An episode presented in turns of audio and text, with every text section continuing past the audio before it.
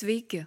Šiandien mūsų tema yra apie žmogaus gyvenimą kaip veiklą. Nes jeigu mes paklaustume savęs, kaip aš gyvenu, kodėl aš gyvenu, ir jeigu mes bandytume atsakyti iš tos klausimus, greičiausiai, kad mes kalbėtume apie savo gyvenimą kaip veiklą.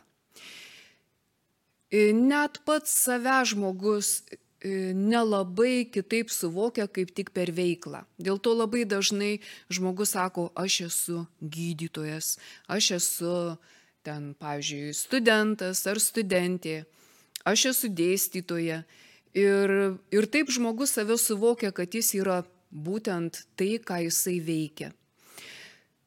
Visas gyvenimas, mes žinom, kad veikla tai yra tarsi judėjimas laike kai tu kažką atlieki ir tavo veikla visą laiką yra į kažką nukreipta, ji turi tikslą. Ir jeigu veikla turi tikslą, tai ji turi ir priežastį. Ir tikslas ir priežastis labai dažnai yra tampriai susiję. Jeigu mes bandytume atsakyti klausimą, kam aš gyvenu, kodėl aš gyvenu, tai mes galvotume ne tik apie tikslą, bet ir apie priežastį. Aristotelis, e, kuris gyveno antikoje, senų senovėje, e, jis tikrai patvirtino, kad priežastis, kuriai nėra priežasties, o tai yra, aišku, Dievas, yra ir tikslas. Nes visi mes einame į tą, iš kur mes grįžome. Ir va tas ėjimas arba tas judėjimas, tas buvimas laikė, jis yra nesustabdomas, tai yra nuolatinė veikla. Taip kaip Dievas ištarė tebūnie ir visa prasidėjo. Taigi mūsų gyvenimas kaip veikla, ji tikrai turi e, nesustabdomą judėjimą. Ir tame judėjime mes atpažįstame save kaip tokius, kurie kažką čia veikia. Bet tas veikimas irgi jisai nėra šiaip savo veikimas, nors dažnai žmonėms atrodo tiesiog gyvenu. E, kartais žmogus susimasto, kai jo paklausia kas nors draugiškai, e, kaip gyveni. Ir žmogus galvoja, tai čia dabar pasakot, kaip aš gyvenu, ar nepasakot. Ir, ir ką pasakot, įvykius, veiklą, ar tiesiog apie save pasakot. Ir va čia vėl atsiranda du svarbus dalykai. Kai gyveni, labai svarbu suvokti, kaip mes sakom, aš esu, ar ne?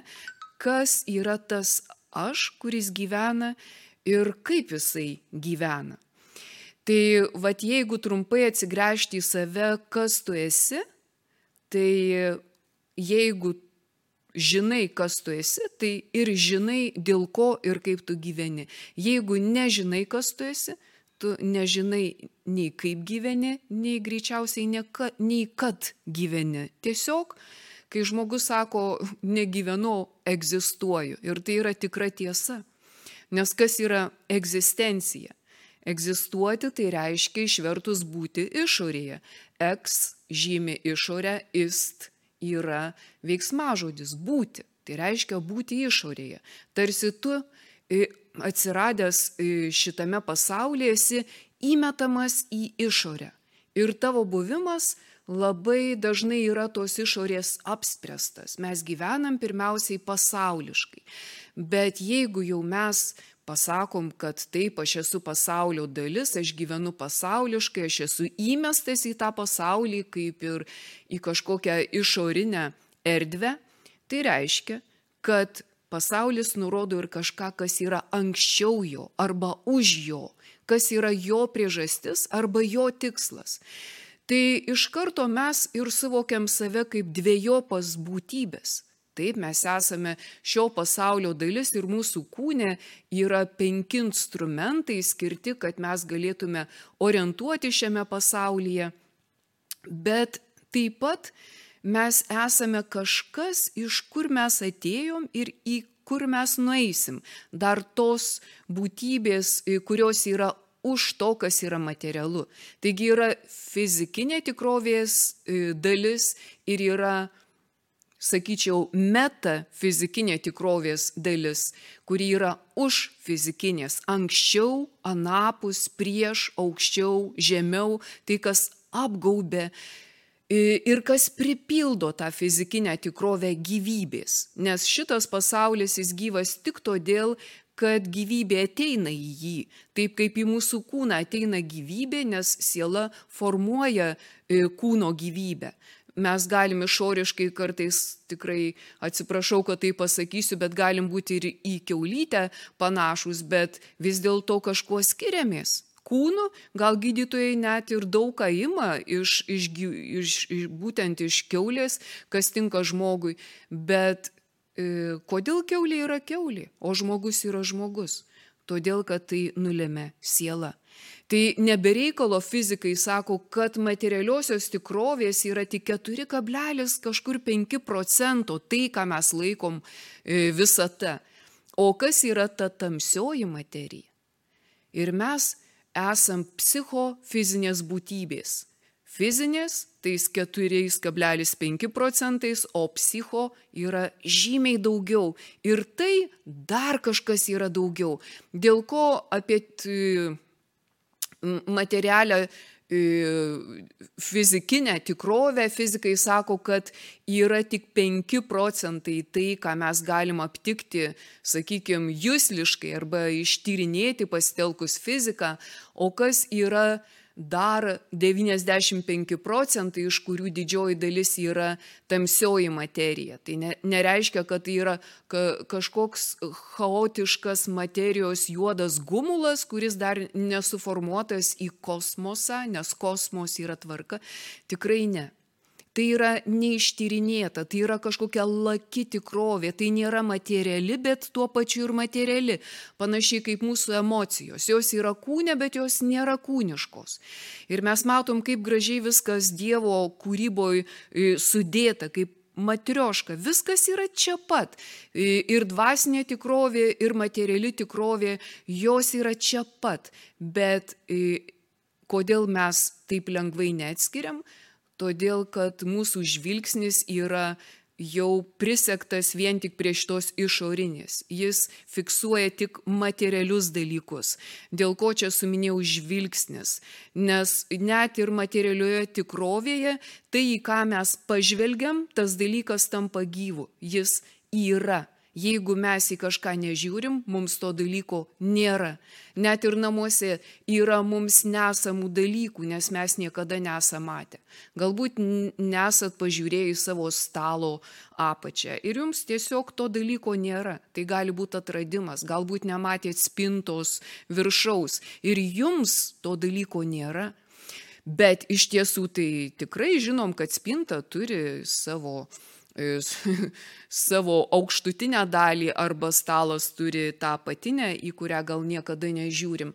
Bet mums tų dalykų gali nebūti, jeigu aš to dalyko nefiksuoju. Panašiai Jėzus, dėl ko šventam rašte visą laiką, kai jisai gydydavo, gydydavo prasideda žodžiais pažvelgi. Ką tai reiškia? Jis pažvelgi tarsi Dievas kaip pažvelgia, sukurdamas, jis pažvelgė ir išgydė, jis pažvelgė ir tuo pačiu ištarė žodžius, tavo nuodėmės tau atleistos. Žvilgsnis yra kuriantis. Ir Dievas taip kūrybingai viską sutvėrė, kad mes esam jo bendradarbiai. Mes tikrovę kuriam. Jisai sukūrė tai, kas yra, bet mums tai, kas yra, yra dar kitaip pagal mūsų psichofizinį tikrovės suvokimą, pagal mūsų žvilgsnį, koks jisai yra. E, tikrai nesiginčysit, į tą patį žmogų du pažiūrės ir vienas sakys, jis yra labai geras žmogus, o kitas sakys, aš jį žinau kaip labai blogą žmogų. Kodėl? Ar todėl, kad jis toks yra? Jis tiesiog yra koks yra, bet mūsų žvilgsnis yra kažką išskiriantis, sukuriantis, kaip Kantas sakė, kad pažindami mes kūrėme tikrovę. Tai vad šita tikrovė, nors netrodo visiems vienoda, mes visi turime akis, ausis, uoslę ir visas penkias tas pačias jūslės, bet pas kiekvieną jos gali būti labai skirtingos. O ką jau kalbėti apie e, psichę, apie mūsų sielą, apie mūsų psichiką, apie mūsų smegenų vingius ir kad dar yra kažkas iš jų, už jų. kad sąmonė yra daugiau. Aišku, behavioristai jie ginčysis ir sakys, kad sąmonė yra smegenys. Taip, dalinai taip yra, bet tai yra dar daugiau. Jeigu ir smegenų struktūra gali būti pažeista, bet samoningumas nebūtinai vienodai nukentės pas kiekvieną. Nes tai, ką mes vadinam sąmonė, yra ir kiekvienoj kūno lasteliai, ir mūsų psichė dalis, ir dar kažkas daugiau. Tai aš čia dabar Dėl ko tokia įžanga? Nes noriu pasakyti, kad viskas nėra taip jau visiškai bukai, aišku, ne viskas išmatuojama tik aukščiu, pločiu, ilgiu, bet viskas yra žymiai daugiau, negu mes įsivaizduotume. Ir mes patys esam žymiai daugiau. Net patį klausimą aš galiu paklausti, kam aš gyvenu, ar ne, kam aš gyvenu. Kaip aš jį paklausiu? Galiu aš pasakyti, kam aš gyvenu, kokia mano gyvenimo prasme, bet aš galiu klausti, kam aš gyvenu, kokia gyvenimo prasme. Aš galiu pabrėžti gyvenimo ir vėl tada naujas dalykas, tada tai apie ką jau pradėjau šiandien kalbėti, galvoju apie kažkokią veiklą, apie kažkokį judėjimą nenutrūkstamą, kur link, iš kur šitas judėjimas, e, tai ką aš vadinu gyvenimu, kuris prasidėjo ir kur link jisai eina, kiek jis nuo manęs priklauso, o kiek aš tiesiog jame esu, tai yra labai skirtingi klausimai. Bet e, kaip Platonas sakė, kad žmogus, jei tiesiog gaudamas kūną, įeidama į šitą kūną, jisai jo pažinimas užtemdytas dėl ko ir mes kalbam apie tą prarastą rojaus būseną. Ir net tame rojuje irgi žmogus kaip Dievo sukurta būtybė, kuri yra mažiau negu Dievas, dėl to, kad negali žinot, kaip Dievas, ten augo toks medis, pažinimo medis gėrio, blogio pažinimo medis. Kitaip tariant, mes negalim pažinti viską tobulai, bet net ir E, tai, kas pagal mus yra tobulai, tikrai netelpa vien tik tai į šitą empirinę tikrovę. Labai gražiai Dievas e, paliko savo pėtsakus gamtoje, nurodydamas e, tai, ką jisai sukūrė, nurodo visą tai į jį patį. Aišku, jeigu mūsų žvilgsnis jisai gana dar labiau apribotas, jeigu aš matau tik kėdės, stalus, medžius, bet nepagalvoju, kaip jie atsiranda, iš, iš kur visa tai kyla, tai žinoma, kad man medis baigėsi ten, kur jo aukštis baigėsi. Ir, ir kiekvienas gamtoje esantis dalykas man tiesiog nesiskiria nuo to, ką aš pats pasidarau nuo kėdės ar, ar stalo. Bet jeigu pažiūrėtume net į savo kūno jūslės, tai mes pamatytume, kad jos yra tokios stebuklingos, kad nereikia nei jokių teologinių traktatų, kad e, tikrai pripažintume, jog Dievas yra. Nes kiekviena jūslė manyje, ji yra taip susijus su visa visata ir tiek daug už savęs nurodo, kad nereikia čia labai išlavinto proto. Mes visi žinom, kad turim penkias jūslės Ir galim puikiausiai įsivardinti, kad tai yra lytėjimas, kad tai yra e, skonis, uoslė, klausa, regėjimas. Ir visos šitos jūslės mums duotos kaip įrankiai, kad mes galėtume orientuoti šitame pasaulyje. Ir žinom, kas šiek tiek mokėmės fizikos, kad mes sakom, kad visą sudaro keturi elementai, kalbant apie gamtą. Tai yra žemė, vanduo, oras ir ugnis. Ir kadangi antikoje e, buvo sakoma, kad žmogus yra mikrokosmosas, yra makrokosmosas ir mikrokosmosas. Tas pats kosmosas, žodis kosmos reiškia tvarka. Kitaip tariant, visa visa tai yra sutvarkyta pagal griežtus dėsnius ir žmogus taip pat. Bet kas juos jungia? Tai tie patys keturi elementai - žemė, vanduo, oras ir ugnis. Ir gali kil klausimas, nu, nu nežinau, nu tikrai, nu gal vanduo, ar ne, kad e, pripažintume, kad e, net mažą vaiką sudaro 95 procentai vandens, pasaugusi kažkiek mažiau, bet kaip čia su žeme ir, ir kitais elementais. O iš tikrųjų, tai visi šitie keturi elementai mumyse irgi lygiai taip pat užima tokią pat svarbią vietą kaip ir gamtoje. Žemė, ji yra ta pati mūsų lytėjimo organui.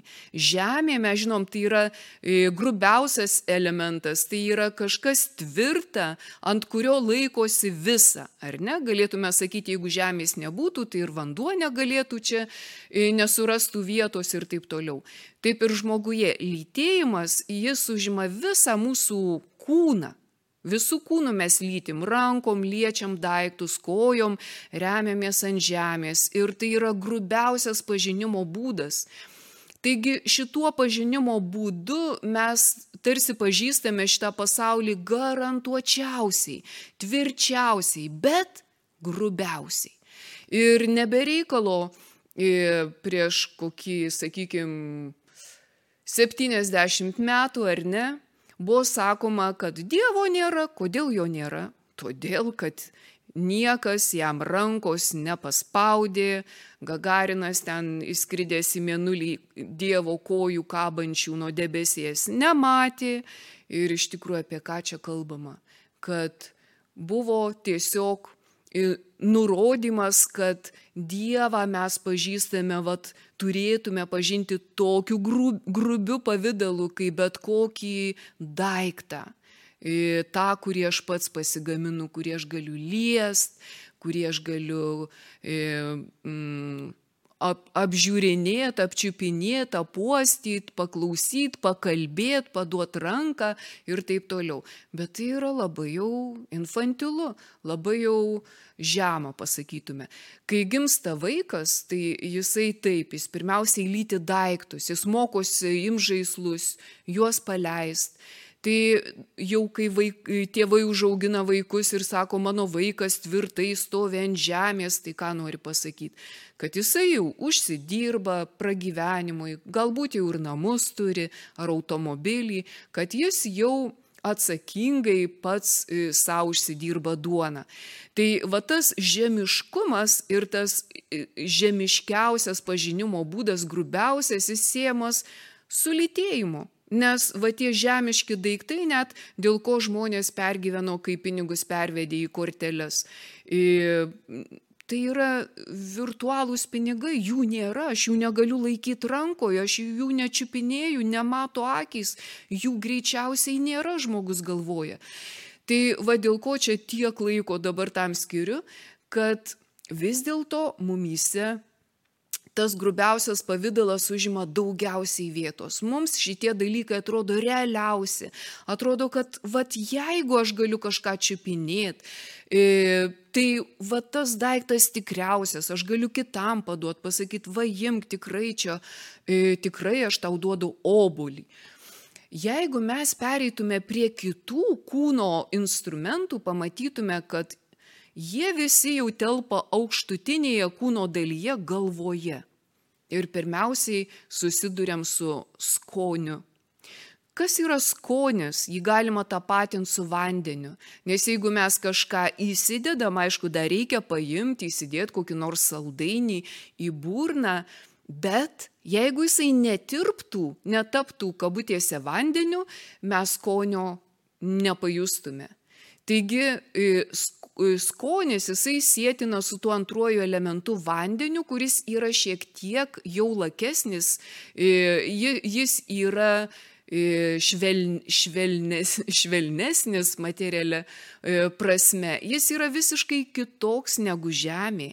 Ir atrodo, kažkas labai dar lyg ir tampriai susijęta, kaip sakiau, reikia ir paimti į ranką, ką tu dedi į burną, bet E, jau turi tapti tuo vadinamuoju vandeniu, kad šitas e, mano pažinimo būdas man neštų kažkokią informaciją. Ir tai labai skiriasi kaip žemė nuo vandens, taip lytėjimas nuo e, nuo skonio.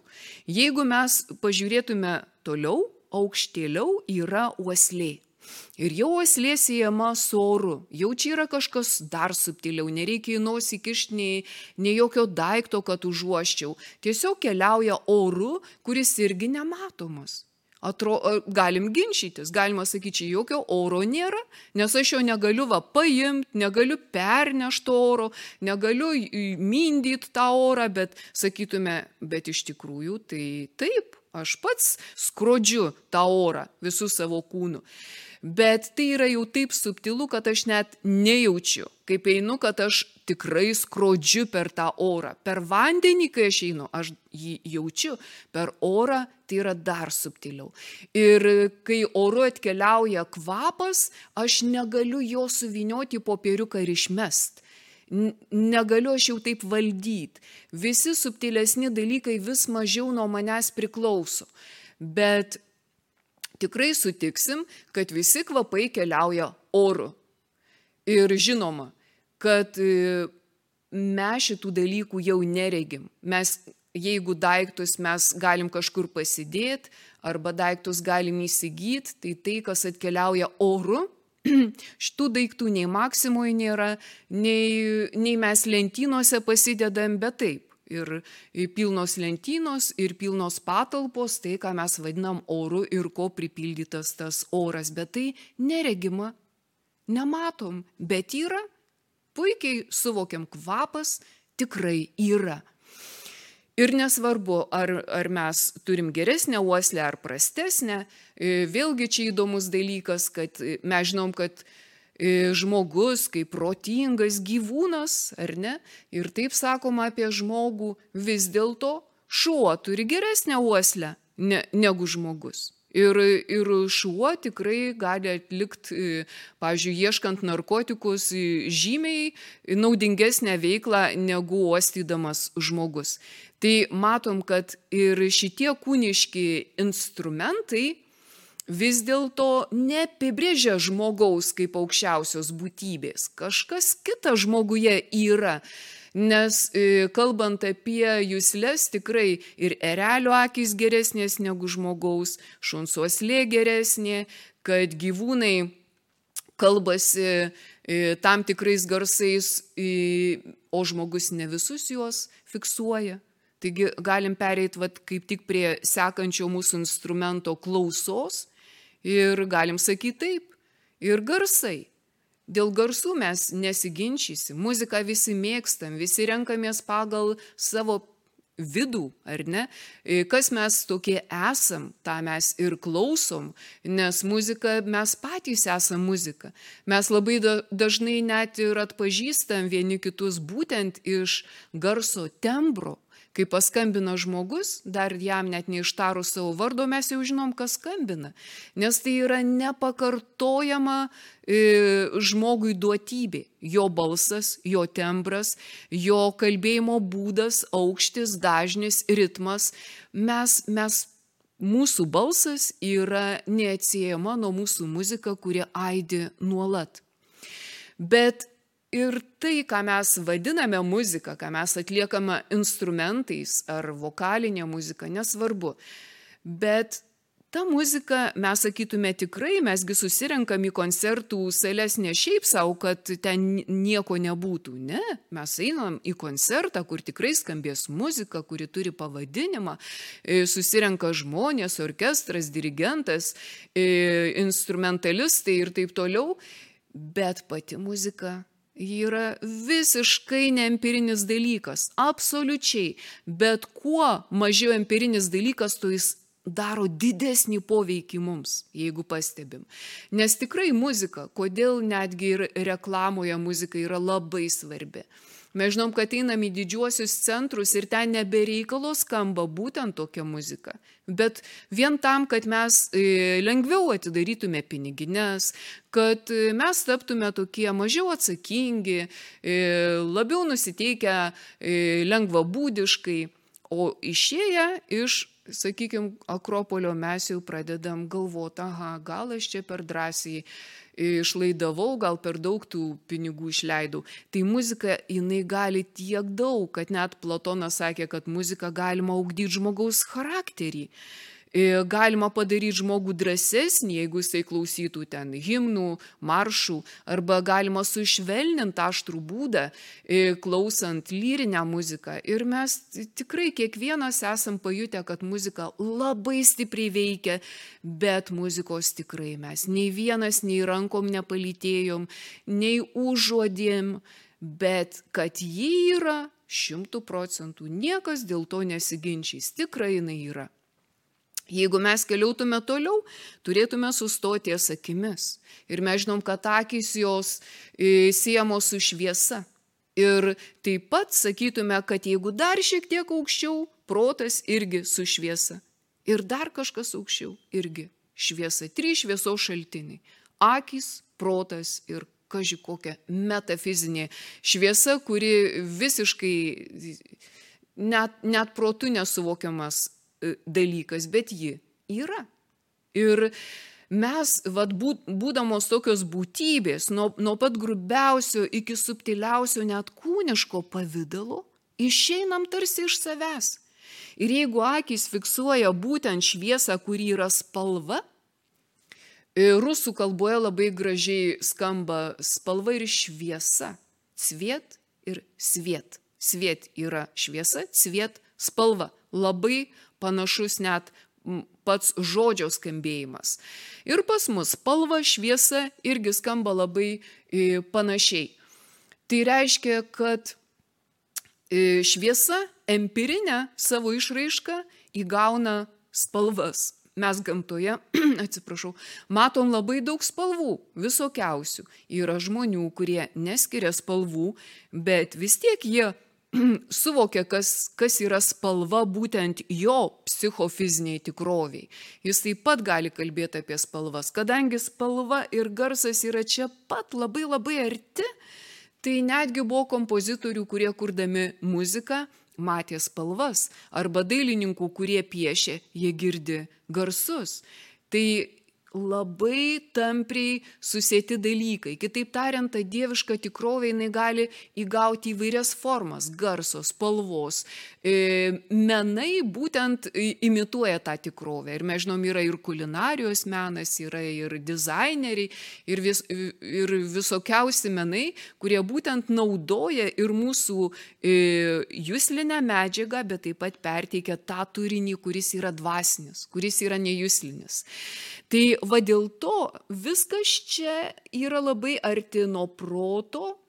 E, protas vadovauja viskam, ar ne proto šviesa yra būtent ta šviesa, kuri mums kuri apdoroja, dėl ko netgi sakoma, kad ne akys mano mato, smegenys mano mato. Ir smegenį, e, mano akys tik susi, susiliečia per žvilgsnį, bet iš tikrųjų e, viskas yra e, smegenų impulsuose. Ir taip įdomiai Dievas sutvėręs, kad vat, tie mūsų smegenų vingiai, kur, kurie turi tiesioginį ryšį su mūsų kūnu ir mūsų kūnas tampa gyvas dėl to, kad ta gyvybė eina vis iš kažkur giliau arba anksčiau.